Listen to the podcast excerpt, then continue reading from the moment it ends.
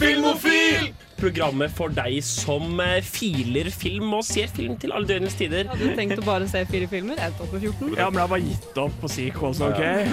Ikke det Ringenes herre som ser jeg det. Jeg har stor respekt for Nicholas Gersh. Den filmen, den var dårlig. Det er bare å gjøre det. Herregud, jeg er veldig klar over at det showet er skitt. Det er nå TV-ofil. Aha. Du hører på Filmofil på Radio Revolt. Hasta la vista, Ja. baby. Det er helt riktig. Du hører på Filmofil på Radio Revolt, og vi skal her i dag snakke om litt historiske dramaperiodeting. Litt forskjellig. Litt ymse om det. Eh, og dette er kanskje da semesterets siste ordinære sending, og selvfølgelig da er jo de to som skal forlate oss til neste semester, de er ikke her. Men Ja. Dårlig. Men vi skal eh, prøve å komme oss gjennom allikevel. Og med meg så har jeg på teknikk Uh, Jaran. Mm. Hvem som gjør oss best da? Trine. Og tilbake fra de døde. August. Og jeg heter Jenny. Vi skal høre en låt. Vi skal høre Foam med 'Every Now and Then'. Vi er her fortsatt, og vi har sett film siden sist, ikke sant Trine? Sett, Eller har du sett serie? jeg har sett mye rart. Jeg har sett både film og serie, okay. faktisk. Fordi, Begge deler! Begge deler! Hvordan kan du holde på sånn? Fordi det er liksom, eh, Som sikkert noen har fått med seg, så har jeg sittet og sett Twin Peaks i det siste. Og for et par dager siden så, så jeg de tre siste episodene av sesong to. Jeg så Firewalk With Me, jeg så Missing Pieces. Firewalk With Me, en hel film. Missing Pieces er også en hel film av ting som ikke var med i filmen. Ja, fordi Firewalk With Me er liksom prequelen til uh, Twin Peaks. Til Ja. sequelen også, men mest prequelen til Twin Peaks. Og Og, Fire, og Missing Pieces er Det er de scenene som produsentene kuttet fra 'Fire Walk With Me, David Lynch sin film, og som David Lynch, til, eller noen til slutt klarte å redde, de, de var lenge en sånn en, en tapt uh, liksom En av de store tapte tingene som folk var sånn Å, vi vil så gjerne ha det som ble fjerna fra Twin Peaks-filmen. Og det, det fikk vi i Missing Pieces for et par år siden, så det er jo Det er liksom det, er liksom det og de siste fire timene av eh, Greed. Ja, og The Day The Clown Cried. Men den har, The Missing Pieces har virkelig vært der oppe Ja. som en sånn hellig gral. Så det ja. Vi har en fantastisk scene der Leland prøver å lære Laura og Sarah norsk. Det, Den scenen vil jeg liksom anbefaler jeg dere å søke opp. Den Generelt, alle, alle scenene i Twin Peaks hvor det er noen som snakker norsk, Ja. er ganske festlig. Og så så jeg Jeg har sett sju episoder av Twin Peaks The Return. Jeg trodde jeg skulle si filmer, så ble jeg sånn. Nei, nei. Så Twin Peaks The Return er jo det som kom i 2016-17? Det kom i fjor. Ja, det kom i fjor. Uh, 2018, da. Ja. Nei, 2017. ja, shit. Tenk Forrige at skoleår, sikkert. tida har gått, så, gått så fort. Der, der David Lynch og Mark Frost har fått liksom bare all rettighetene til å gjøre hva faen de vil med serien. Og det er bare sånn, Jeg satt der og Jeg skulle ønske at sesong to var litt mer sånn her. Men du skulle også ønske at sesong tre var litt mer som sesong to, hvis det er mening. Det har virkelig gått de har bare tenkt hva, hva vil fansen ha, og så lager vi det motsatte av det. Litt. Men det er jo Men det er fortsatt veldig Twin Peaks. Men har ikke det alltid vært prosjektet til David Lynch? Sånn Med unntak av The Straight Story så har han alltid på en måte gått for bare sånn men, men hva liker folk? La meg lage det motsatte. eh, altså jeg tenker Eraserhead er jo sånn Det er smertefullt å se på, nærmest. Det, Ja. han, han prøver ikke å gjøre det komfortabelt for noen. Han bare, han bare kaster hva enn han, hva Han enn han har, kommer på, på alle som gidder å se på. han har The Elephant Man, da, som er litt mer kommersielt og lett å se på. Eller det er ikke lett å se på, men det er enklere film å fordøye.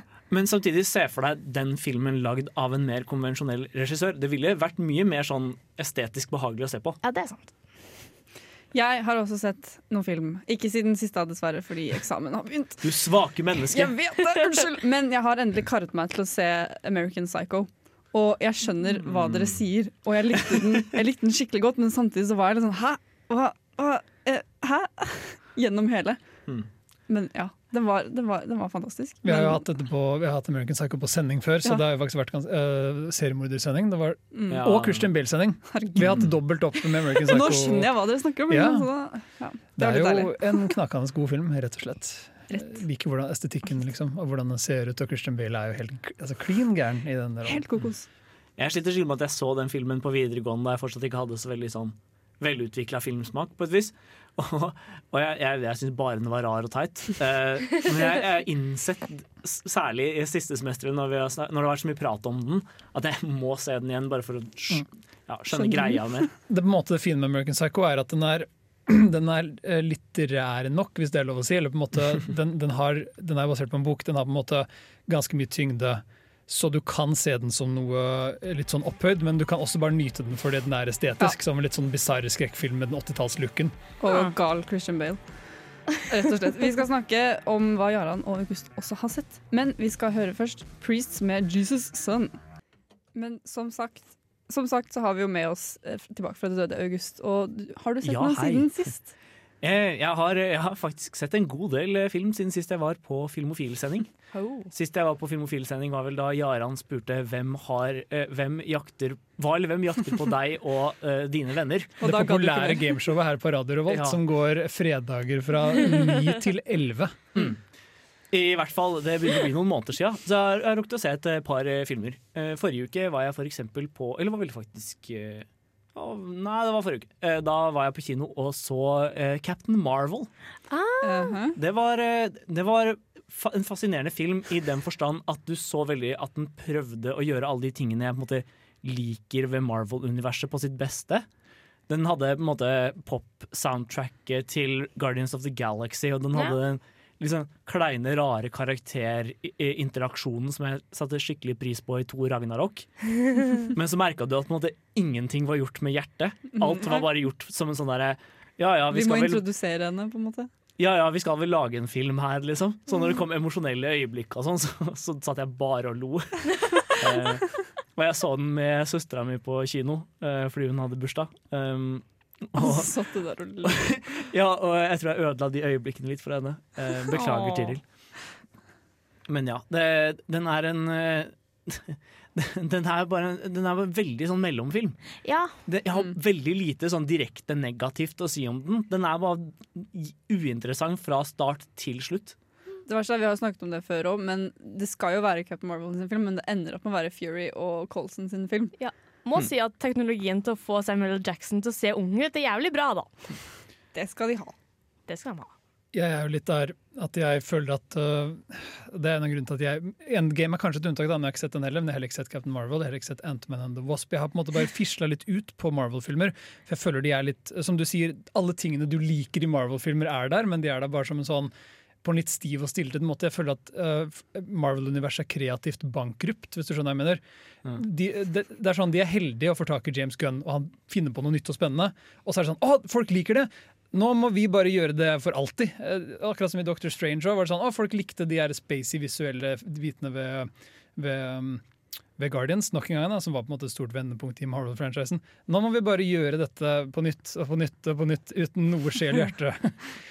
Jeg, jeg, jeg følte det også eh, helt til jeg Jeg hadde gitt opp Marvel-universet helt. Ja. Og så så jeg Thor Ragnarok, og så var jeg sånn shit. Her har du faktisk latt en regissør få spillerom til å gjøre sin greie. Ja. Eh, altså, for de som ikke kjenner Taika Waititi, så, så har jeg blitt veldig fan av han. Og Thor Ragnarok minner oppriktig om Hunt for the Wilder People på en sånn merkelig og rar måte. Jo, men Thor Ragnarok har fremdeles en del av elementene Jeg også synes Thor Ragnarok var en relativt underholdende film, men den har også flere av elementene som får meg til å rulle med øynene. Og så ser jeg bare menn i dress som er sånn det er nok best at vi gjør det i denne filmen. Det, jeg tror det funker bedre hvis dette er det som skjer. Det, funket i markedsresearchen vår. skjønner du? Det er sånn, Thor Ragnarok kunne nok vært en bedre film hvis den var, ikke var i Marvel-universet. hvis det er mening. Eh, det, det, tror jeg på en måte på. Mm, Men samtidig så har jeg veldig mye tilgivelse overfor akkurat den. Men så så jeg eh, Black Panther og Infinity War rett etterpå, så var jeg sånn eh, Nei. det var visst på tide å gi opp igjen. Yeah. Jeg har mye respekt for Infinity War. Uh, det har jeg. Det har ikke jeg. Ikke Jeg har null respekt for den. Men det er sånn Det, det at de har tatt uh, litt endgame-ting, da. De har tatt med liksom Thory fra uh, Ragnarok og bare kasta han inn i endgame. Han, Mm. han går ikke tilbake til som han var før, og det er jeg jævlig fornøyd med. Ja. Thor er det morsomste med hele endgame. Bare gå og se filmen for Thor, egentlig. Ja. Men Jaran, du har også sett noe, har du ikke det? Ja, siden jeg ikke har sett Marvel, så jeg tenkte å grave litt og liksom bruke det som har vært min backup på siden sist ikke, for jeg har ikke sett så mye i det siste. Eksamen nærmer seg, eller bachelor. Svake menneske. Ja. Eh, Det jeg har sett, er eh, noe fra Pixar Studios. De har opprettet en YouTube-kanal tilbake i februar som heter Pixar Spark Shorts. Hvor de lar eh, kreative sjeler i Pixar få lage kortfilmer som de vanligvis ikke ville gjort noe med, og legger det ut på YouTube. Jeg vet at det er i hvert fall tre kortfilmer der ute. Uh, kanskje den fineste heter Kitbull og er en håndtegna animasjon om en kattunge som blir venn med en pitbull. Og den er helt hjerteskjærende søt. Eh, det er også, men det, det er forskjellige animasjonsstiler. De er, altså Pixar-formelen er synlig der. Men jeg syns det er kult at de lar folk få lov til å prøve seg på noe annet. Og jeg anbefaler å bare sjekke ut den YouTube-kanalen. Det kommer sikkert til å dukke opp masse spennende der.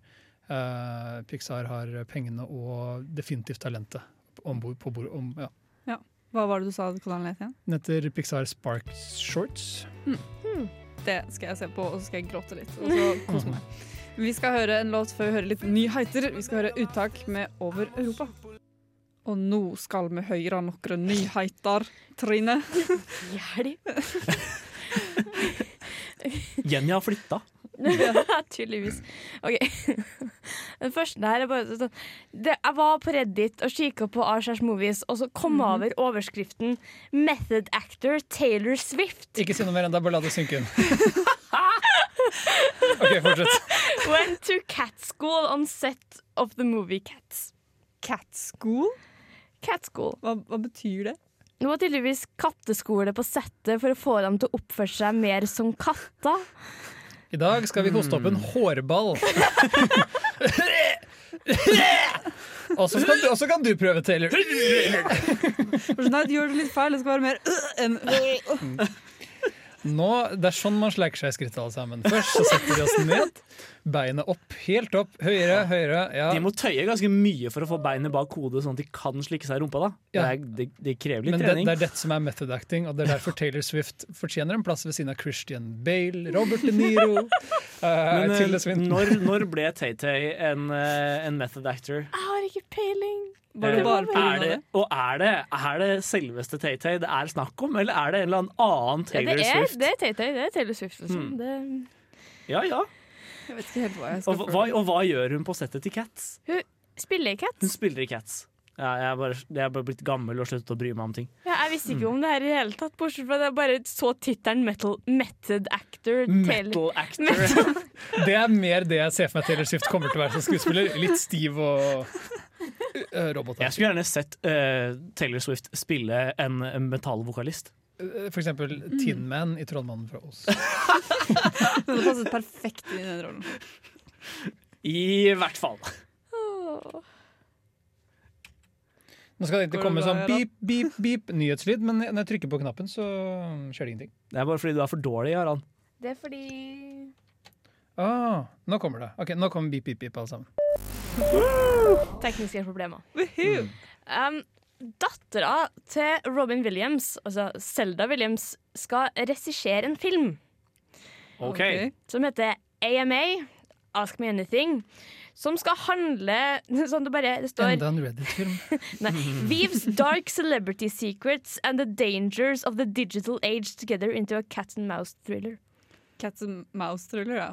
Men ville noen brydd seg hvis hun ikke var Hva, hva har Selda Williams gjort, bortsett fra altså, Å være sånn- dattera til jeg, var, jeg har ikke fulgt karrieren hennes, det kan hende. Hun har gjort masse ting jeg ikke vet om. Jeg vet Eh, ikke. nei.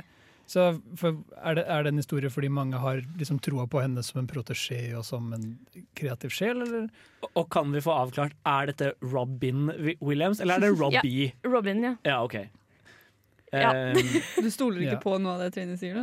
nei, jeg, jeg bare hører ikke godt nok til å høre ja men I den- dag kan man ikke stole på noe jeg sier. Jeg er så dårlig i kroppen. At, eh, Trine har pollenallergier, alle sammen. Det er en Mm. nyhetssak her på det her i Radio, radio, i radio Revolt først. Ukas Filmnytt, pollen! Er i lufta! Mm. Jeg dør. Uff. Jeg er så med. Hoho. Ok, Etter Tarantino er ferdig med Once Upon a Time in Hollywood, så skal han lage en ny cut av Django Unchained. Han er Oi. ikke ferdig ennå, nei. Nei. Jeg leste, eh, fordi det du sier nå er at det skal komme en director's cut, som han liksom har planlagt. Uh, det er jo verdt å nevne at han nettopp gjorde en Netflix-avtale hvor han har sluppet director's cut, på Netflix, til- eh, director's cut for Hateful Eight på Netflix som en miniserie. Han har delt den opp i fire biter, jo. og den er ute på Netflix. Og øh, jeg husker når Django kom ut, så sa han Når denne kom ut, så sa jeg Husker dere at han prata om director's cuttet til Django? Som han lenge har prata om. Han sier han har dobbelt så mye materiale fra Django som liksom er i selve filmen. Som han virkelig hadde drømt om å gjøre til en serie. Så det så rart at han gjorde The Hateful Eight i stedet. Men uh, her kommer det, altså. Ja, Han sa at han ikke vil gjøre det som en miniserie. Det passer bedre som en film. Det skal være sånn Jeg tror Skal det være Er den tre timer og 20 minutter lang fra før, eller skal den bli tre, tre timer og 20 Jeg minutter? tror Django er to og en halv, eller er det bare noe jeg har drømt? Jeg tror den er sånn to, to og en halv, 2,50, et eller annet sted. Den, eh, Så det skal liksom være tre timer og 20 minutter film. Jeg vil gjerne ha mer Django. Jeg håper det er mer av slutten på Django. på en måte. mm. Uh, Django slutter, og så fortsetter den. Og så er den siste biten er den beste biten, hvis det gir mening. Det gir veldig mye mening, det. Men, men skulle den halvveis kommet ut på Netflix, eller bare ga Det- han opp på det? Vet jeg ikke. Den skal liksom bare komme. Nei, den kommer, da. Ja, vi får sett den. Ja. Vi, skal, eh, vi tar en pause mens vi fordøyer den informasjonen. Og så i mellomtiden skal vi høre King Gizzard and the Lizard Wizard med Plastic Boogie. Hei, mitt navn er Atle Antonsen. Du lytter til Filmofil på radio Revolt, og det gjør du helt til programmet er ferdig. Ja, hør på Atle Antonsen. Hør på Filmofil på Radio Revolt. Men vi skal høre mer nyheter, ikke sant Trine? Yeah. Fortsette med liksom sånn director's cut og sånn. jeg. Fordi Francis Ford Coppola ja. Han eh, kom jo i 2001 med en redux av uh, Apocalypse Now. Mhm. Nå skal han ta oss og klippe i den filmen igjen. OK. Han skal klippe nedover. Står, står det tilfeldigvis i den artikkelen Francis Ford Coppola har brukt opp alle pengene sine. Nei, gjør ikke det. Men det står at han skal ha 183 minutter final cut. Jeg er klar, jeg. Jeg elsker apokalypsen nå. Reduxen er eh, briljant, uten tvil, spør du meg. Og Francis Ford Coppola har faktisk ikke gjort noe som er verdt å se siden eh, Gudfaren del tre. Hvis det er mange som mener den ikke er verdt å se, liksom. Eh, Jeg syns den er verdt å se. La Ja, oss gi jeg, den et jeg, også, helt jeg, også skjønner ikke, jeg skjønner at den får hate fordi folk hadde veldig høye forventninger, men sånn, Ja. jo eldre Gudfaren 3 blir, jo finere, jo mer liker jeg den egentlig. Mm. Uh, og Apokalypse nå altså, det, er- Jeg syns det er hans beste film. Det må også sies at de hadde sånn 230 timer med footage. da.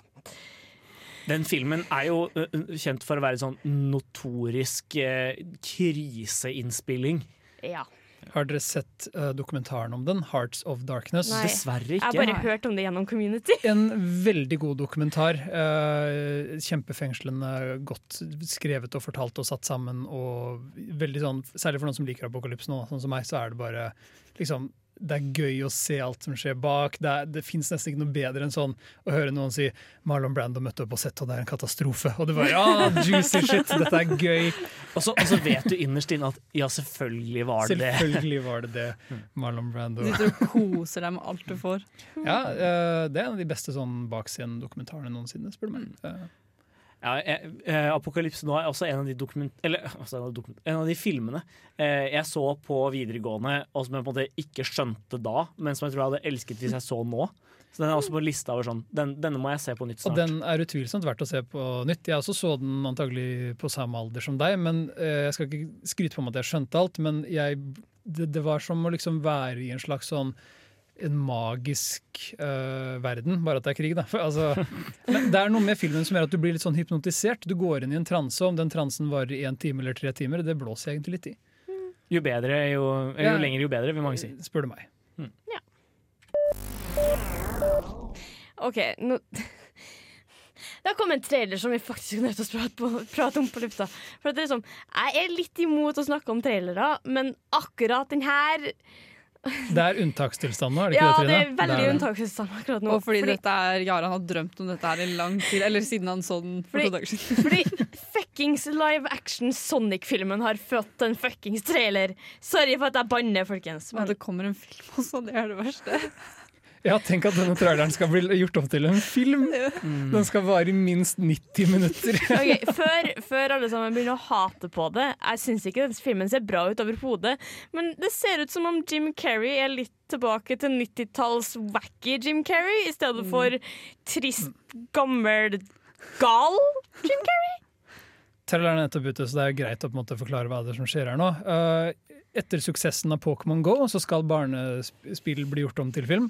Og etter den antatte suksessen av Detektiv Pikachu så måtte de lage en film om Sonic. Mm, selvfølgelig. Eh, budsjettet ser ikke ut som det lever opp til visjonen. Nei, Og- det var samme budsjett som Spiderman Into the Spider-Wars. Ah, Men ser det ut som de har hatt visjoner i det hele tatt? jeg vet ikke. Det virker jo som de har hatt en litt sånn Jeg får også det bildet av menn i dress som er litt sånn hva har vi sett i andre filmer. Ja. Eh, traileren han bruker Gangsters Paradise som bakgrunnsmusikk. og Plottet ser ut til å være at Sonic løper så fort at han blir klassifisert som en trussel mot amerikansk sikkerhet, og dermed må militæret jakte ned Ja. denne blå uh, CGI eh, Monster. um, Og ja. ikke nok med det, militæret klarer ikke å håndtere det på egen hånd. så De leier inn Jim Carrey for å fikse problemene sine, og det ser ut til å funke kjempebra.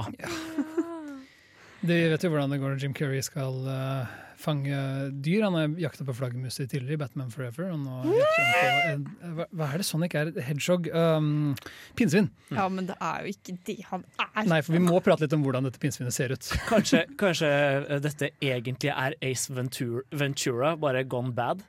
Oi. Oh, hva er det han heter? Eh, Eggman Pet Detective, liksom.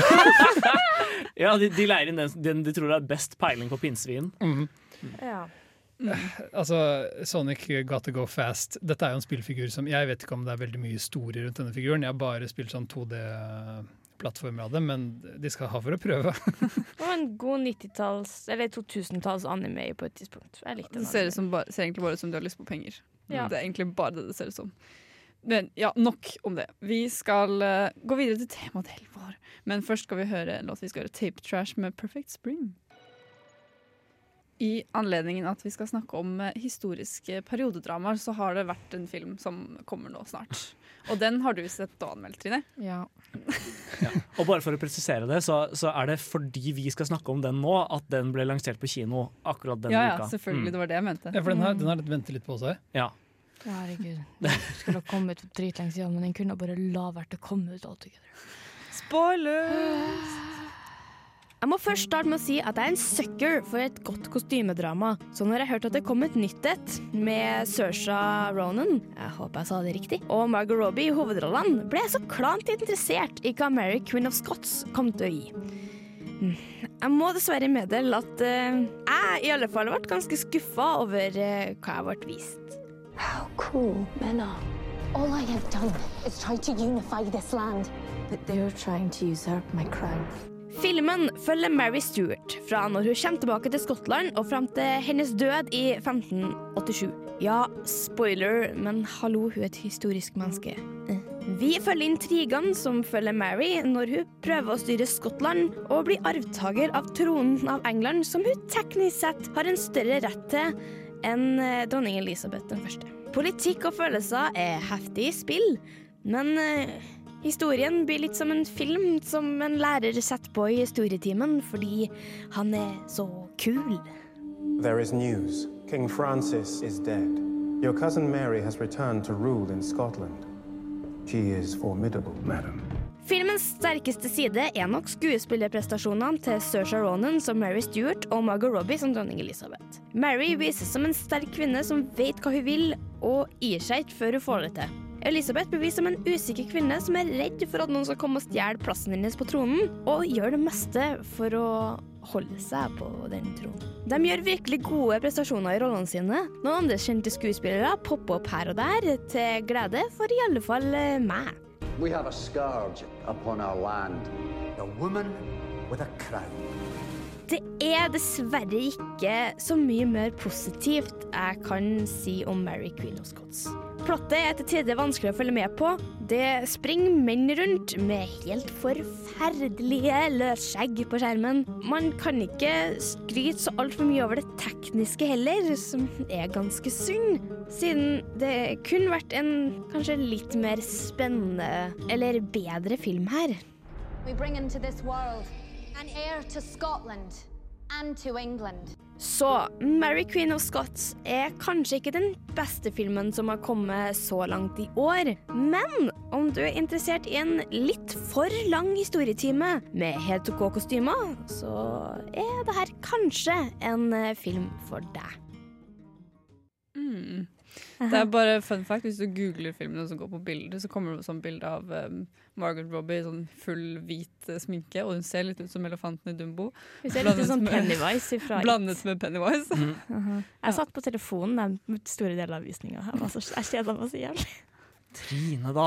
Ja, nå kommer det sterk anbefaling fra Filmofil. Dette er det som får folk til å komme inn, komme inn, på kino, inn i Jeg kinosetene. har ikke dette vært positiv med en anmeldelse!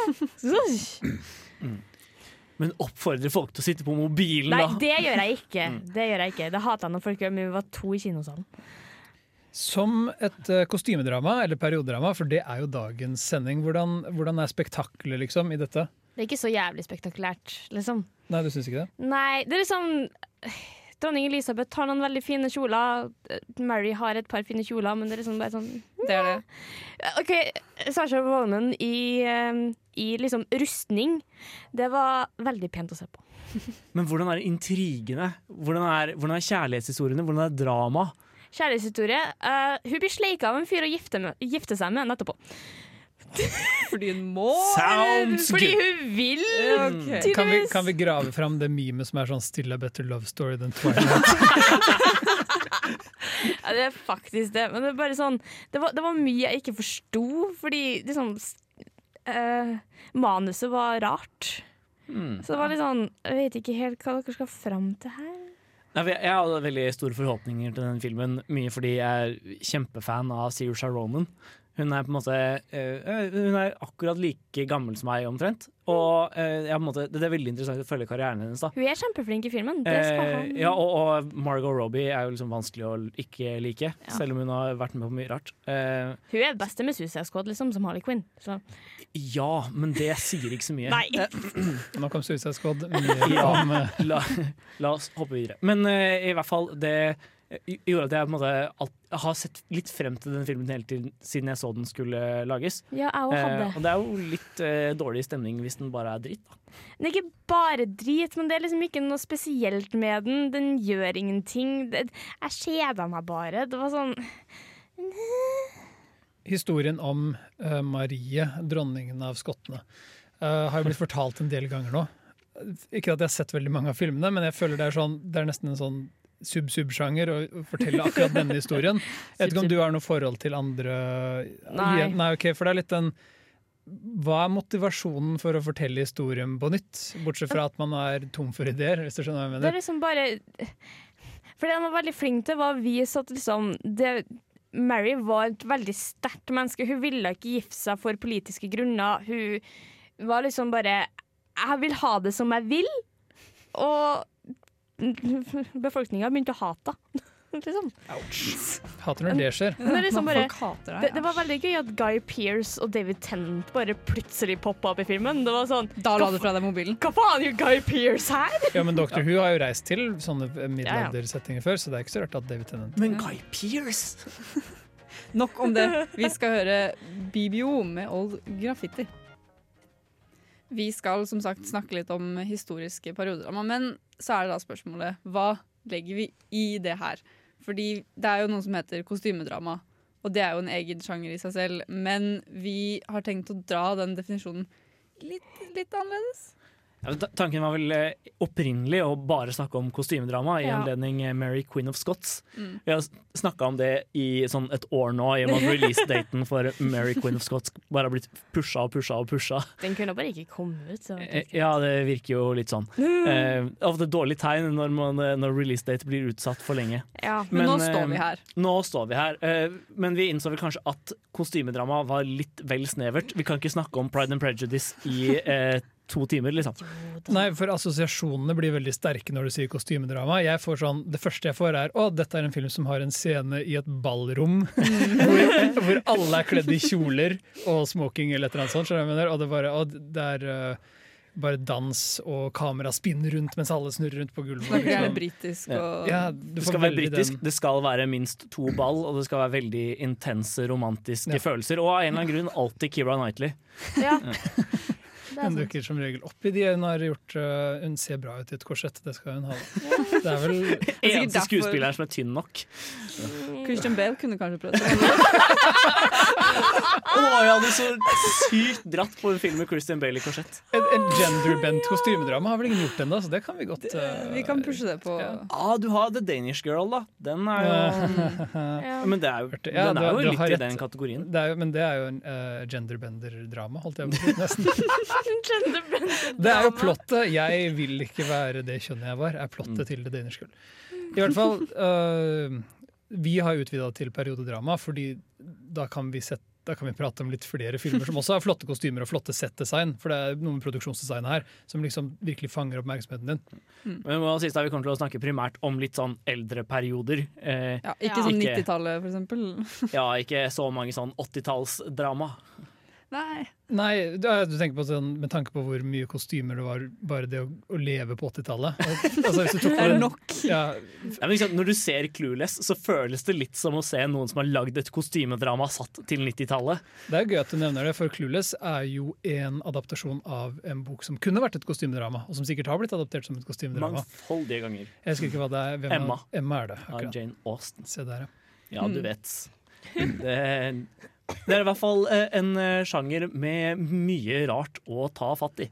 Men det er som regel enten en, en, brennhe, en sånn glohet romanse, eller kanskje noen som liksom de må rette noe, som, noe, ga, noe galt som har blitt gjort mot dere. Sånn, og nå kommer jeg og skal kreve min hevn. Det er sånn de gjør eh, historiefilmer eh, morsomme. Nei, ikke morsomme. Interessante. Og det at vi vil se på dem. Man blir liksom dratt inn i disse intrigene, og det er alltid intriger. alltid. Ja, det må sies da, vi, vi kommer til å ta opp noen litt mer sånn historisk epos-karakter eh, Eller filmer som er mer i den historisk epos-sjangeren. Eh, og der er det ikke så mye intriger og litt mer action, men det liker jeg. Spektakulære filmer blir det på en måte uansett. Det er vel nesten det vi ser mest på her. Og, nå, Og kostymene. Ja, Og jo, men historiske filmer som er tidsriktige, og som er spektakulære i kostymer og i look og fil og hele veien, rett og slett. Mm. Og så skal vi ta for oss da ja, forskjellige perioder og så gå litt gjennom de. Fram til, fram til, eh, fram til eh, et eller annet. Et eller annet. Et eller annet. Ja. God stemning blir det i hvert fall. Det skal jeg love dere at det blir. Men ja. Vi skal rett og slett bare starte på den første epoken etterpå. Så hold fast i stolen! Men først skal vi høre en låt. Vi skal høre Fat Fungus av God Knows. Filmofil på Radio Revolt her, og vi skal snakke om historiske periodedramaer. Og hva er den første perioden vi har tenkt å ta for oss, Jørgen? For nå går vi, vi reiser rett og slett i tid, alle Vi sammen inn i tidsmaskinen. Og tidsmaskinlydeffekt! Jeg tror Vi har reist til antikken. Er det ikke spennende her? Meget er wow, magisk. Vi er uh, spesifikt eh, så er vi liksom reist til uh, Romerriket. Og eh, dette er eh, Jeg vet ikke hvor lenge det er til Jesus dukker opp, men han er i hvert fall ikke noe sted å se her på dette markedet hvor vi står. Eh, Vi skal lete litt, da, så Ja. vi sier ifra. Fordi eh, når man tenker på, på en måte spektakulære Dette blir jo fort mer episke filmer enn rett og slett kostymedramaer. Det er ikke så mye kjoler involvert, men når vi tenker på virkelig spektakulære uh, filmer og Og spektakulære kostymer. ja, Mm. alle er jo en sucker for et, sånn, et godt Centurion-outfit. Um, Mm. Så Så tenker man på store um, filmer fra antikken. Jeg, det første som kommer inn i hodet mitt, er Ben Hur uh, og Spartacus, som er på en måte de, litt, litt mer fra Hollywoods gullalder Ja. for studio, episke studiofilmer. Bare men vi si har jo hatt- originale Ben Hur, og ikke ja, nye. Uh, ja, det stemmer det. Det kom en Ben Hur i sånn 2013 eller noe. Nei, det kom i 2016, og jeg sla den filmen hjem. Jeg er så sur! Så du den? Jeg anmeldte den. Ingen så den? Å, ja, dere, ah, okay. Trine så den. Jeg var, jeg var vitne til å se hvordan Trine raknet den sendingen fordi hun ble så sint på Ben Hur-remaken. Vi, tenker, vi prater om den fra 50-tallet, tror jeg den er fra. Ja, 54, tror jeg. Eh, Et eller annet sånt. Og, men eh, det er også vanlig å, å prate om eh, eller Mange tenker sikkert på Gladiatoren. Russell Crowe og um, Ridley Scott sin store Oscar-vinner fra 2000. Og med Joaquin Phoenix, Ja. ikke minst. Og han er så ekkel i den filmen. Ja, Meget bra. Meget overbevisende som en ekkel fyr. Ja. Mm -hmm. Men hvis vi går litt tilbake og liksom tenker på de gamle klassikerne Det var jo også en stor ting å gjøre bibelproduksjoner i på en måte Hollywood eh, når de gjorde studio, disse studiofilmene. De er jo gigantiske. De eh, varer jo så mange timer at du rekker å dø og liksom våkne til live igjen. Jesus kan jo gjenfødes på den tiden når disse filmene spiller ut. Mm. Men de slutter jo aldri å imponere deg med altså, hva er det heter? Cinemascope, uh, cinematografien Mm. sin. Og, For, for ikke å snakke bare størrelsen på musikkstykkene som er komponert. Ja. Det er ikke en ekte sånn uh, Hollywoods gullalderfilm hvis det ikke er en eh, på en måte antrakt i midten med eget komponert stykke. Eh, for ikke å snakke om overtyre. Det, det må også med hvis jeg virkelig skal anse det for å være en sånn Hollywood gullalderfilm. De av dere som aldri har kjøpt en Blu-ray eller DVD og fått liksom intermission på skjermen når du Mm. sitter og ser på hjemmekinoen din og bare Hæ, OK, greit. Skal jeg spole gjennom det? Skal jeg bare bli sittende og høre på musikken? Du må sitte og Ja, høre på hele. Det er det jeg skulle si. Bli sittende eh, og hør på Nyt intermission, for det har vært gå ut på kjøkkenet og lage en bolle med popkorn eller noe, så får du bare bakgrunnsmusikk i Det er jo meninga at du skal ha en liten pause. Du har fortjent det, sier filmen til deg. Nå har du fortjent en pause. Nå har du lov til å gå på do. Men i hvert fall den typen historiske, episke filmer ble, var veldig store på 50-tallet særlig. Ja. Og så døde de veldig ut. Um, men Særlig med studiosystemets død, så var det liksom Ingen hadde pengene til å lage det lenger. Nei, de, de, de var dyre. Mm. når, du, når du ser Kleopatra, liksom, så skjønner du at dette, dette var ikke billig, nei. Um, men plutselig, i år 2000, så fikk Ridley Scott av en eller annen grunn finansiering til Gladiator. Og brått blomstret den sjangeren litt opp igjen. Ja, for vi har, vi har vært i en ny alder av uh, studio epics, som er litt over nå, føler jeg. Uh, Hvem vet? Jeg føler de har blitt bytta ut med superheltfilmer, egentlig. Uh, Ja. Sånn Endgame og ja, den type. Men for all del, vi har, vi har hatt noen gode filmer den tiden, men Gladiatoren står vel liksom som den største. Ja, og Vi kommer jo tilbake til noen av filmene den inspirerte. For eh, Ridley Scott fikk jo i hvert fall budsjett til å lage en ny sånn stor eh, historisk, episk film. Som ikke gjorde det like bra på kino, som kanskje drepte den bølgen litt. Som Gladiatoren startet bare noen år tidligere. Kanskje. Ja. ja ja. Vi dreper i hvert fall ikke stemningen her, fordi vi skal gå videre med en eh, ny epoke etterpå. Etter vi har hørt The Garden med The Mission. Sant, Det var jo den, det var jo den sangen med fløyt, fotballfløytelyder i. Ja, den er veldig gøy. Det, nå skal vi inn i vår tidsmaskin igjen, skal vi ikke det, Jaran? Det skal vi alle sammen hoppe om bord, og så trekker vi spaken. Og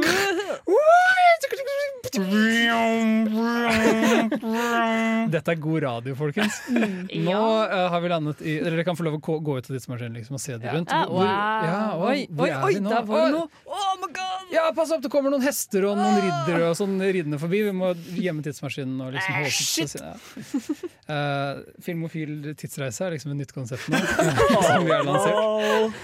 Vi er i middelalderen, eller vi er i hvert fall i en tid hvor det var vanlig å få sortedauden og, og bli undertrykt av eh, monarkiet. Si Bli menn. Ja, det var jo på en måte den beste tiden for veldig Ja. mange ting. Og, og i hvert fall for det var en god epoke å sette filmer i. Men samtidig så er det litt sånn eh, vanskelig epoke å sette filmer i, fordi veldig mange, med en gang de ser middelalderfilm, får veldig sånn fantasy-assosiasjoner veldig fort. Tenker Game of Thrones, liksom. Ja, det Ja. er i dag, men før det også så er det sånn Arthur-myten har vel blitt lagd 1000 filmer av siden 70-tallet, om ikke tidligere. Sannsynligvis. Og også sånn Altså, du har, du har Robin Hood også, som er litt i den gata, men som er veldig sånn der vimsete og litt Ja. out there. Det, og det, sånn som nå, da, eller siden den forrige Robin Hood-filmen, så vil jeg ikke kalle det kostymedrama lenger. Alt er bare grått og brune farger. Det er bare sånn jordtoner, og alt skal bare sånn alle, Ingen hadde råd til klær, de bare gikk rundt og var skitne hele tiden. Skitt er ikke et kostyme, folkens.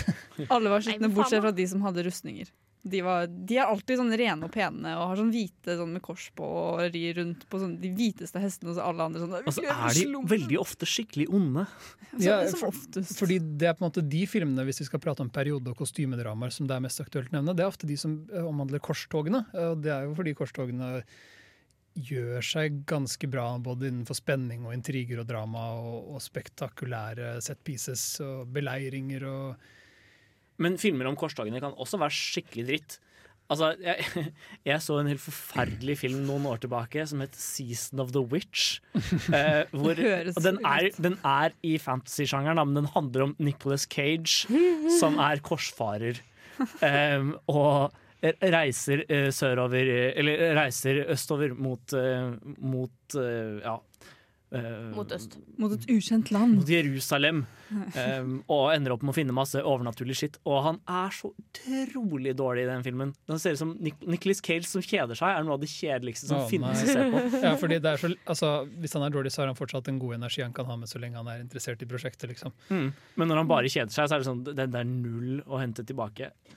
Men det vi egentlig prater om, er kanskje mer filmer som Arn, eller du teaset for så vidt Kingdom of Heaven, som er den andre Ridley Scott-studio-epose, eh, som han gjorde et par år etter Gladiatoren, Mm. med Orlando Bloom. Eh, Orlando Bloom i hovedrollen. Mm. Og, og det er jo en av de filmene som er eh, legendarisk litt for å ha to versjoner. En som er en, en kinoversjon som er skikkelig dritt, og som ingen liker.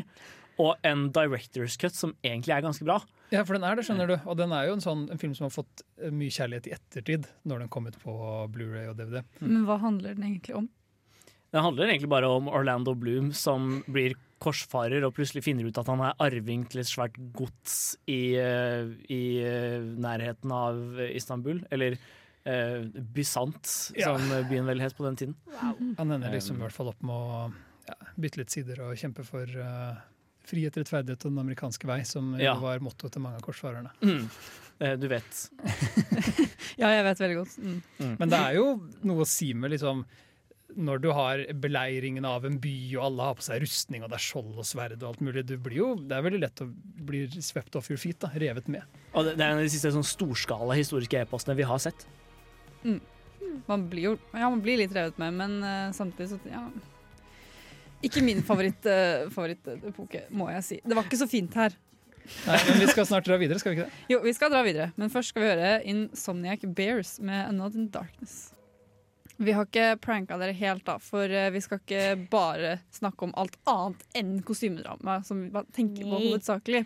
Fordi kjol, kjoledrama, da, som jeg likte å kalle det for, er jo, er jo en greie, og det er det man tenker på, særlig da kanskje Pride and Prejudice. Ja, det blir litt sånn mer bokadaptasjonsdrama.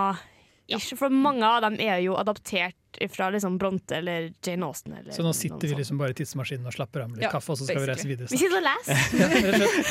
Ja. Slipper av med en god bok eh, og ja, nyter utsikten av eh, svartedød og lignende. Ja. Mm. Og for ikke å snakke om Orlando Bloom som inntar Jerusalem. Oh, Mm. Den mannen kan innta uh, hvilken som helst by og meg. Men som Men Vi kom jo så vidt inn på eh, bokadaptasjoner og kostymedrama når du så cluelessly tok opp Clueless uh, tidligere.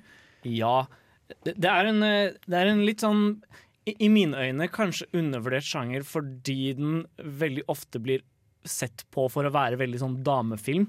Eh, og det handler nok om at det er veldig mye litt sånn Det er veldig mange av de som er veldig sånn intense kjærlighetsdramaer. Intriger og Ja, ikke sant. Alle, all, all den typen uh, ting. Uh, og, men det betyr på en måte ikke at filmene er dårlige automatisk, da. Jeg har jo for eksempel uh, da, jeg var, da jeg var liten, så viste mamma meg Pride and Prejudice med Keira Knightley. Eh, og jeg var ikke så veldig overbevist, fordi jeg av prinsipp som liten gutt måtte mislike den typen filmer. Eh, jeg hadde et problem med veldig mange filmer mamma likte da jeg var liten. Um, det at jeg av prinsipp ikke helt følte jeg kunne like de. Men i hvert fall, uh, Pride and Prejudice var uh, veldig solid inne på den lista. Og uh, da jeg plutselig så den på nytt igjen i voksen alder, så var det sånn Shit, ja, dette er faktisk en ordentlig bra laga film. Ja, det er jo det. Joe Wright er litt sånn undervurdert regissør fordi han har lagd mye sånne filmer, men han er ordentlig dyktig, altså. Det er, det er mange fine shots. Det er godt skrevet manus. Det, det, det er jo bokadaptasjon, men læl. Veldig godt skrevet. Bare. Ja, men han får gode skuespillerprestasjoner Ja. ut av Keira Knightley, så yeah, good job. Ja, og, Jane Austen-adaptasjoner i seg selv er jo nesten en egen liten sjanger. Ja. Du, du har jo altså Pride and Prejudice har det blitt lagd TV-serie av også, og så har det også blitt lagd eh, en TV-serie av Emma, hvis jeg ikke husker helt feil. ja. Eh, Ang Lee hadde en adaptasjon av uh, Sense and Sensibilities. Stemmer. Eh, og i tillegg så har du alle sånne merkelige sånn andre adaptasjoner. Clueless har vi jo nevnt allerede. Pride and Prejudice and Zombies var også en film jeg hadde den eh, ikke æren av å se, men som jeg i hvert fall har sett en gang. Um, så det, det, er en, det er en sjanger som er veldig mye utforsket, men på veldig rar Men, men, men som, er, ja, som har litt stigma tilknyttet seg, da. Ja, men samtidig så er det jo en ting er at disse veldig fort får oppmerksomhet fordi kostymene blir så imponerende, særlig når de er satt i sånn barokk eller viktorianske mm. perioder. Liksom det blir veldig mye kjoler, og det blir mye sånne set pieces hvor det er veldig lett å nominere de for beste kostymedesign, da, beste setdesign og sånn. Uh, men det er jo noen av de som virkelig har gjort det stort. Det er jo ikke den tradisjonelle kjærlighetshistorie, men Dangerous Liaisons, eller uh, Farlige forviklinger, eller hva den heter, den er jo Farlige forbindelser. Farlige forbindelser, der har du det. Den er jo med John Malkovich. Den er på en måte en, mange anser den nok som en klassiker. Mm. Uh, god film er det, utvilsomt. Ja, jeg syns ofte det er veldig morsomt med filmer i denne sjangeren som tør å være ordentlig kyniske. Mm. Eh, som på en måte ikke, ikke later som det bare handler, handlet om eh, kjærlighetsdramaer på den Ja, typ typ Dangerous sånn som bare handler om å ta jomfrudommen til unge piker. ja, Dangerous sånn er et eksempel, men altså, jeg, jeg er jo veldig fan av The Favourite, som kom nå i Ja. vinter. Den, Ja. den er ordentlig kynisk og, og herlig. Eh, Etter min mening Lantimos beste film. Eh, jeg vet det kanskje er litt eh, kontroversiell påstand, men whatever. Men for ikke å snakke om Barry Lyndon, som Stanley Kubrick sitt episke drama. Ja, den, det er, den er så kynisk, og det er, det er det, det er en fæl film å se på fordi alle, personen, alle karakterene er forferdelige mennesker. Men Men du elsker den for det? jeg elsker den like. Ja, ok. Skjønner. Ja, vi skal uh, gå Vi skal Skal vi inn i tidsmaskinen igjen? Ja, Vi må skal nesten inn i vel- Ja, vi skal tidsmaskinen. inn i tidsmaskinen. Men først så skal vi høre Still Woozy, som vi er etter den tidsmaskinen, med Lava. Vi i Filmofil på Radio Revolt på torsdager 8 til 10 er her fortsatt. Å, wow. Og- Klokka er ikke ti ennå, så Nei, nei, vi holder på til ti, da. For alle dere som ikke hører på, så holder vi på det til. Kom igjen. Mm. Men uansett, vi skal snakke om ukas hjemmelekse, og med det så skal vi tilbake Nei, vi, skal, eh, vi er i tidsmaskinen, Ja. og vi skal nå reise videre. Mindre prat og mer trykking, August. Vil Ja. du dra i spaken? Dra i spaken, August!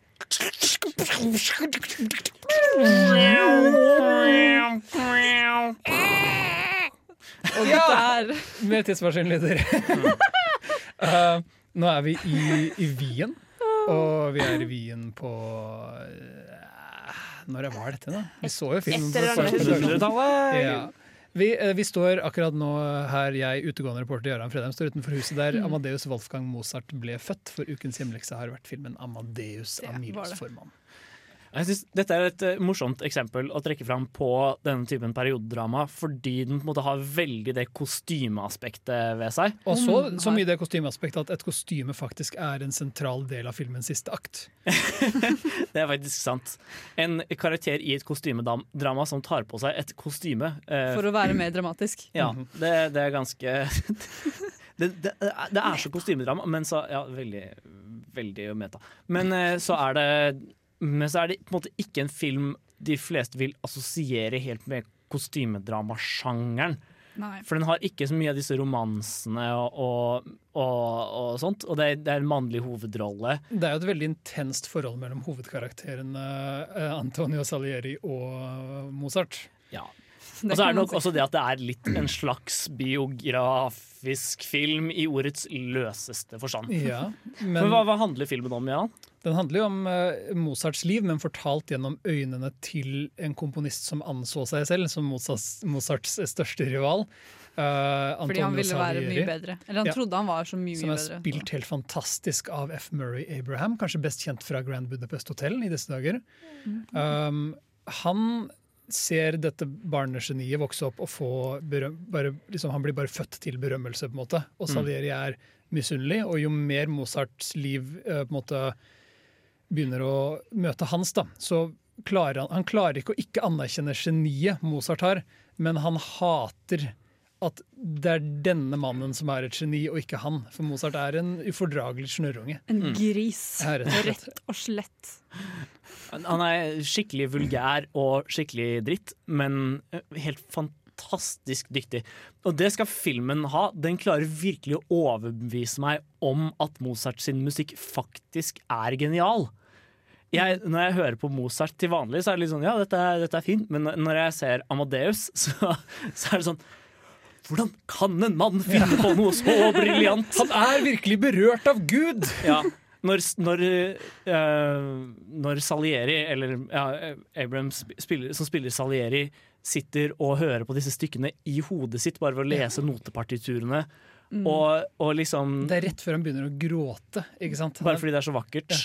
Og, og, og du, du forstår det plutselig da når, når det er spilt av et orkester i den skalaen.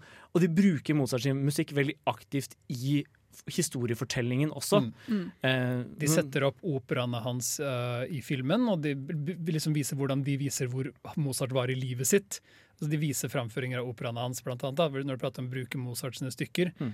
Og da kan vi også hente tilbake til kostymer, på en måte, for det er jo imponerende det å ha den graden av produksjonsdesign i en film som alle, altså, De setter opp hele operaer for filmen.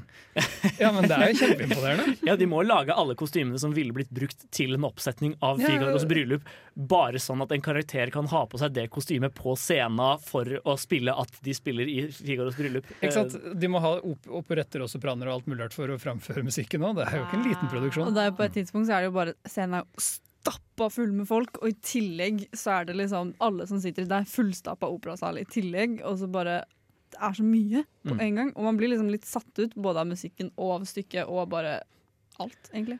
Og på toppen av det hele så er det et helt fantastisk drama. Så det skal det er verdt, verdt, sin Oscar, den, eh, den filmen. Ja, For den fikk både for beste kostyme og beste film, og sikkert en del andre priser jeg ikke husker. Den, den var i hvert fall veldig bra.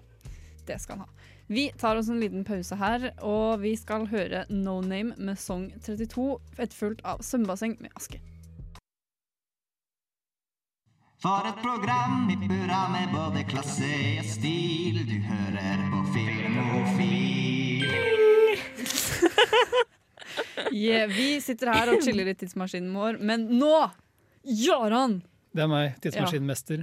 Nå, Og- nå har du forberedt noe for Ja, oss. jeg er, ikke bare har jeg lagd den tidsmaskinen, som jeg bygde helt selv på sløyden. Åh, du er så flink, Jaran. Jeg- Jeg trodde det var du som ikke var handyman. Vi kommer til å dø. Mm. Se, se hvor lite handy jeg er på Instagram Filmofil Radio Revolt. Jeg har lagd en topp tre-liste, og vi har liksom en periodedrama og ting som skjer i historien, så jeg tenkte vi skulle fokusere på, på en måte det, det jeg liker best med eh, historiske eposer og dramaer, og det er de ulike sykdommene som kan ta livet av deg. OK. Um, fordi en ting som ikke skjer dødsofte, men Men som jeg føler skjer relativt ofte i uh, disse historiske dramaene, er at noen blir syke. Ja. Uh, sånn, å nei, og så ligger de sånn i et gammelt kloster eller noe, så må de noen må, sånn, Å nei, vi må, vi må bløde henne, eh, for da kureres hun. Hent iglene! Eller den typen ting. Og så dør de som regel til slutt. Så jeg har arrangert eh, sykdommer gjennom historien. og tidsperiodene. fordi dette er greia Dere får lov til å leve i den tidsperioden så Oi. lenge dere vil, men catchen er at dere må til slutt dø av den populære sykdommen. Okay. Mm -hmm. Så vi skal velge hvilken, eh, Ja. Hvilken av dine topp tre sykdommer man skal dø av? Ja, og da kan dere også leve på en valgt tidsperiode hvor den Ja, sykdommen ok. herjer. Så på toppen så Vet du hva, vi begynner på bunnen, ja. det er morsommere. Ja. På Ja. bunnen så har jeg plassert tyfus. Mm. Eh, det er typhoid fever, eller tyfusen, som herjet på 1600-tallet. Var i hvert fall det Wikipedia satte meg at den var mest aktiv på. Mm. Eh, så dere kan Det virker ikke som en gøyal sykdom å ha. Hva slags sykdom er det? Uh, Er det det man blir blå av? det skjer Jeg er jo ikke Jeg går jo ikke medisin. jeg prater i radioen. um, så vi kan få vår produsent Trine til å sjekke det. Hva er symptomene på tyfus, Trine? Jeg vet ikke. Jeg tror man blir blå, men jeg vet ikke. Men Det er ikke så farlig. Ta neste, Ja, okay. Det er i hvert fall en form for infeksjon i blodet og en bakteriesykdom, så det er ikke dødsmorsomt da.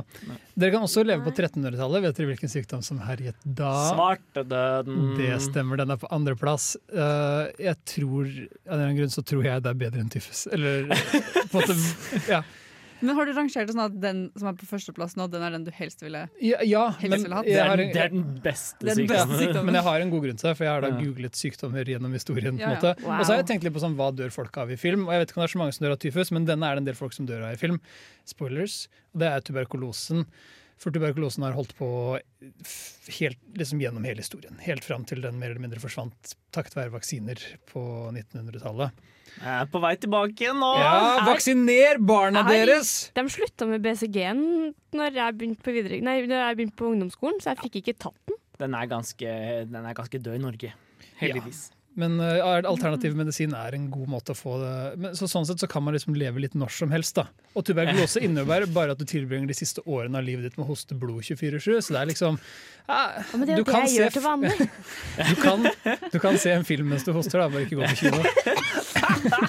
Apropos Det er nesten som å ha pollenallergi. Ja, jeg tror jeg allerede har det, så det velge det. Så der har dere de tre sykdommene gjennom historien som både dreper skuespillere, historiske karakterer og nå også dere. Også. Mm. Tyfus, svartedøden og eh, tuberkulose. Hmm. Jeg, er litt, eh, jeg er litt usikker. Altså, på en side høres er tuberkulose er veldig klassisk. Mm. Det er liksom go to-sykdommen for eh, de fleste filmkarakterer. Samtidig skulle jeg ønske tyfus var mer utforsket på film. I, i, hvis, min, hvis min hunch om at man blir blå av det, er, er riktig, så, så hadde det vært veldig gøy å se flere sånn, flere sånn folk som var blå, rett og slett, Ja. på, Bare på film. Avatar Så- blir en virkelighet. Ja, så for, for å ta en for laget og sørge for at vi får flere blå mennesker i periodedramaer, Mm. så går jeg for uh, tyfus. Så på første, da, som du helst ville Eh, Ja. ja. Jeg, jeg antok at dette var en sånn type Ja, det topp bedre, det er bedre at du går for noe, egentlig. Ja. For du kan ikke få alle sykdommer, det blir slitsomt. Kan jeg bare velge å ha alle sykdommer på en gang? Du kan det, men da, for det er sånn som nå, da, så har August valgt å leve på ca. 1600-tallet, antagelig i Europa. Eh, Men liksom, hva foretrekker du? Nei, jeg, jeg vil heller gå etter eh, sykdommene enn eh, perioden, for å være ærlig. For jeg tror alle periodene er litt sånn shit på hver sin måte. Ja, men hvis du, hvis du har tuberkulose, så kan du gjøre som han, da. Leve litt sånn når som helst. Ja, Så, det er det. Og jeg, det går fint Ja, men jeg har tenkt å leve på sånn uh, nulltallet. Hvorfor ikke? Da burde du hatt lepra. Det er jo Det er jo den beste sykdommen. Nei, det er det som er filmtuberkulose. Ingenting ramler av deg. Mm. Ja, ja, jeg tror eh, tuberkulose er litt sånn safe også, fordi hvis den også finnes i dag, så kan man leve i dag. Og Mm. da får du plutselig medisin, og så blir du bra. Nei, Visstnok så dør Ja. omtrent en million mennesker av det hvert år. En million? Jeg vet ikke, jeg bare fant på et tall. Men det er ganske mange som dør av det hvert år. Jeg tror ikke helt på det, men, eh, men OK. Vi er ikke et faktaprogram, så jeg tenkte jeg kunne si hva jeg ville. Nei. Hva vil du dø, ha, Trine? Jeg sa tuberkulose, Ja, det for det har jeg allerede. Sier. Tre på tuberkulose? En for tyfus. En for tyfus. Du, you go, August. Takk. Vi skal uh, hoppe videre i tidsmaskinen vår, men først skal vi høre Bright av Untitled. Og vi er har sykdommer som bare det. Men vi skal nå hoppe videre i tidsmaskinen vår, endelig. Trine, vil du dra i spaken? Jeg har plotta inn koordinatene. Jeg vil ikke. August drar i spaken.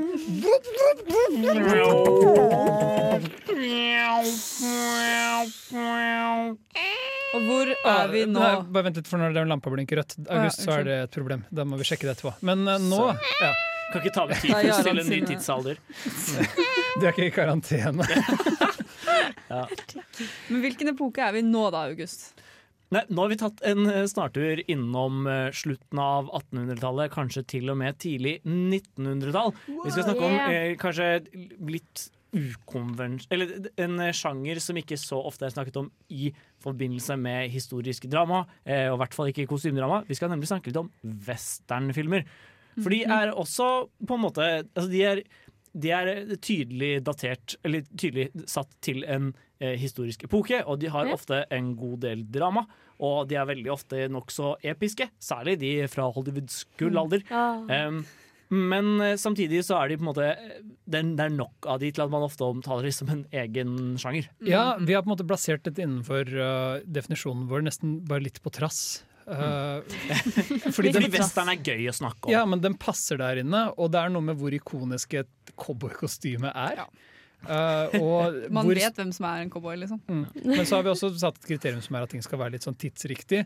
Og da når du prater om Hollywoods gullalder, og hvis du tenker på High Noon og liksom disse Stagecoach. ja, så er det jo Jeg vet ikke hvor historisk korrekte disse John Wayne-kostymene er. Jeg har eh, mye kjærlighet for mange av eh, John Wayne sine westernfilmer. Og, eh, ja. John Wayne, er Skuespiller av kaliber. Han er en karakter mer enn noe annet. Han er jo virkelig Ja. liksom en Jeg liker John Wayne litt på samme måte, måte som jeg liker Arnold Schwarzenegger. Det er sånn Han får til én ting, men den ene tingen Han har på en måte null register, men den ene tingen gjør han liksom nokså bra. Rett og slett definisjonen på en filmstjerne. Ja, Han har blitt ikonisk nok til å på en måte være mer enn en skuespiller. Det liker jeg. Han er et menneske. Eh, nei. Nei, han er mer enn et menneske. For du, ja, rett og slett, du kan jo på en måte dele western eh, sånn som vi tenker på i dag, litt opp i tre bolker, som er disse Hollywood Golden Age-filmene. Og så har du spagetti-western-filmene. Og så har du den western som jeg har lyst til å gi Clint- Eastwood skryt for, som er eh, det Unforgiven gjorde med westernsjangeren. Og Mm. tok den tilbake til sånn Nå skal vi faktisk prate om hva denne epoken virkelig var. Den var ikke morsom, spennende og gøyal. Ting var trist, vanskelig, og folk bodde i, levde i gjørme og skitt. og For det skal sies da, jeg, jeg hadde en foreleser på Høgskolen i Lillehammer som var eh, erkevestern-fan. Og Mm. han sa at eh, på eller Han viste oss også, også noen klipp fra sånn tidlig tidlig western fra 1910-20-tallet. Og de var skikkelig mørke. Det handla om hvordan folk dro til på en måte, the frontier og døde. Det var, det, var, det var stort sett det de gikk i. Det var ikke noe romantisering, ingenting. For det var nesten kontemporært. ikke sant? Um, og Klinteren klarte å liksom finne fram igjen litt av det i Unforgiven. Mm, For ting, ting kunne være mørke før. True Grit handler jo om bare sånn Å, en banditt drepte familien min, og så er han bare en ekkel uteligger som reiser fra sted til sted. Altså den gamle True Grit med John Wayne. Mm. Eh, som for så vidt også er den nye True Grit til Cohen-brødrene.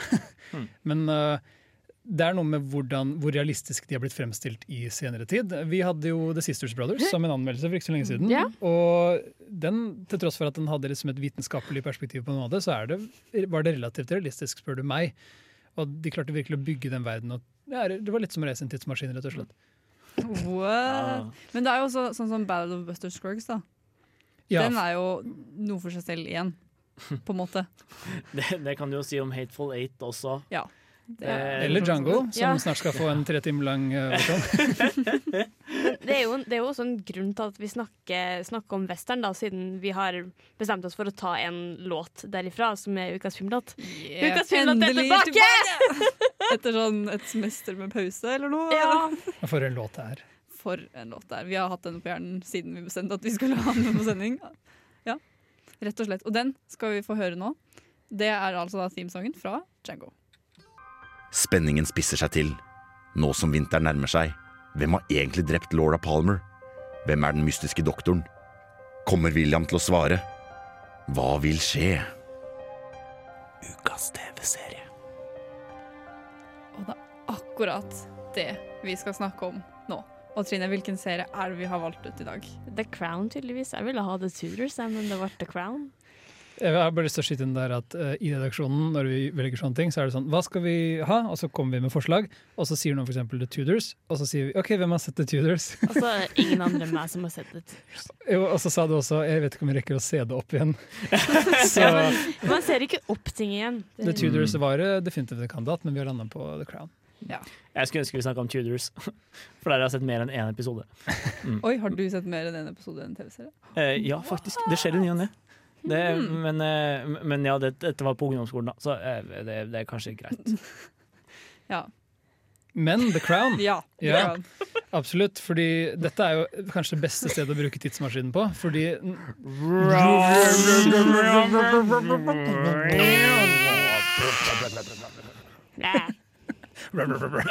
Nå er det ødelagt. Vi er stuck. Vi er stuck. Men det er helt greit, for vi er ikke så langt unna vår egen tid. Vi er på 1900-tallet, Mhm. rett og slett. Og vi er, uh, The Crown er jo uh, dronning Elisabeth, den dronningen som sitter i Storbritannia nå. Hennes liv. Hun er begynt å bli gammel, men hun er fortsatt i live, tross alt. Tenk å, tenk å leve sånn at du kan se TV-serien om ditt liv bli lagd. Tenk. Ja, altså, det må være en kombinasjon av sånn stolthet og veldig kleint. Og sitte der og si sånn Det skjedde ikke, men å, du skulle bare visst Husker- hva som husker du når det skjedde, liksom? Oi, det visste jeg ikke at skjedde. Det hadde jeg glemt. Liksom, sånn. Hmm, der var det noe rart med lyden, gitt. Ja, det var noe ja, der Jaran. Nei, vi har jo alle mikrofonene på. Min funker ikke. Å no. Skru på den siste og gå til Ja, den. ok, Trine må bytte mikrofon, rett og slett. Uh, så rart. Dette er veldig nyttig informasjon for alle som hører på. Jo, men Hvis du hører på sendinga og syns det er litt rart, så er det rett og slett uh, Please stand by technical difficulties. Den ville ikke funket lenger. Ja, men det Der var er Trine jo tilbake! Vi tar teknisk mellomstikkene. Vi får prate litt mer om Crown Fuck, Mic 5 altså, har alltid vært problematisk.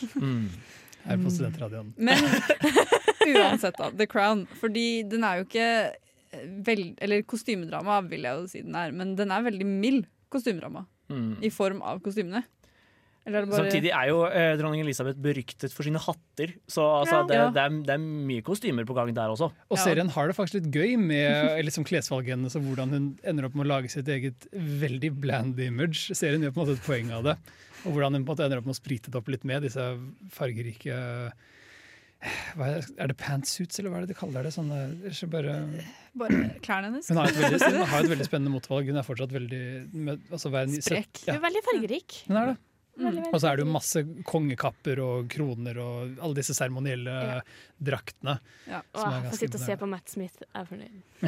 Hvem er ikke fornøyd med Han spiller kjempebra. Det er to sesonger av The Crown ute Ja. nå. Og jeg var litt sånn Skal jeg gidde å se dette showet? Men jeg satte meg og så det, så var jeg oppslukt med en gang. Fordi I sesong tre så skal vel Olivia Colman spille eh, Mhm. dronninga? Skal De skal ikke det? Ja. Hun tar over etter Claire Foy. De skal liksom hoppe litt fram i tid. Men kom an, det er Olivia Colman! Hun er ah, She's amazing! Tror Jeg du håper, jeg håper hun kjører skikkelig The Favourite av dronning Elisabeth. Det hadde vært ordentlig morsomt. tror dere produsentene av The Crown er litt stolte over at de valgte henne før eh, hun vant Oscar for The Favourite? Og nå er det bare sånn Å, det må, dette er dødsbra! Jeg har aldri gambla så bra før i hele vårt liv. Ja, det, ja, jeg tror de sitter sånn og tenker. Jeg vet hva markedsføring skal markedsføringskampanjen til The Crown sesong tre kommer til å se ut som, i hvert fall. Åh. Men, men for meg som bare har sett sånn én eller to episoder, jeg husker ikke helt, uh, hvorfor burde jeg begi meg ut på denne serien? Som med alle periodedrama, så er det nesten intrigene som må Det er det som drar deg inn. Ja. Tida si. forholdet mellom disse karakterene og hvordan de på en måte er En ting er at de på en måte er tvunget til å være Når du er kongehuset, da, så må du være noe annet enn bare et menneske. Du må være et symbol. Du er ikke bare The Crown, Mhm. rett og slett. Og Elisabeth har rett og slett en sånn en, dra- en dragning mellom hvor mye meg selv kan jeg egentlig være som et individ, og hvor mye må jeg være liksom, Storbritannias ansikt utad hele tiden. Og det er jo Ja, hun har jo prins Philip, da, som uh, Trasker rundt. Ja, han, han er jo historisk eh, han har, Det har vært mye skandaler i det kongehuset som jeg tror har liksom fenget verden, så det er, ingen som, det er ikke spoilers å si at han kanskje har hatt noen på si en gang iblant. Og det, altså, bare det å sånn når du ser på showet, og det er sånn Å nei, nå er det potensielt en skandale her! Og de bare må ut med hele PR-staven sin. Det er, det er virkelig eh, Ja, det er verdt det. Det er et godt show. Det er det, og du blir, du blir fanga opp. Til tross for at jeg er en person som ikke som syns intriger og sånn, det blir altfor høy på seg selv hele tiden. Og innimellom sånn, 'Å, orker ikke det her, skal de krangle om at de ah, Orker ikke. Men den, den bare gjør noe med deg, og så er det skikkelig bra skuespill. Ja. Det Nok om den. Ah, se The Crown, August. OK. ja. Før vi sier uh, et siste farvel for siste ordinære sending. Et vi- siste farvel. et siste farvel. Vi har sagt farvel i alle, alle prategreiene nå. Vi skal høre Holsom med See You Smile. Og det var det fra Mm. Filmofil for denne gang. Men det kan hende vi kommer tilbake. Plutselig så trenger vi en pause. Jeg tror det blir en chill-sending i mai en gang. Folk kan fortsatt finne oss her, og på podkast og på Radio Vi kan være med Revolt-appen, Stream on dere demand. hver dag. Hvis du vil. Når du ikke ser på film eller leser til eksamen, hør på Filmofil. Mhm. Var, varm anbefaling. Eller du kan høre på Filmofil mens du leser til eksamen. Det, Det går sånn. Da er du flink. Ja, Litt avhengig av multitasking-skillsa dine. Jo, men det snakker vi ikke om. Vi har derimot snakket om eh, eh, historiske periodedramaer, og vi er nå stuck i den tidsmaskinen vår, så vi skal prøve å finne ut av det. Jeg tror vi, Jeg ødela mikrofonen Ja. min med å si at uh, tidsmaskinen var ferdig. jeg tror vi kan fikse det, for nå, den røde lampa som lyses til august, det var bare fordi kvantumdefibrillatoren hadde vært litt sånn, det var litt, flux, eh, det var litt rusk i flukskapasitoren. Så vi får det her til å funke. Nå lager den lyd fra seg.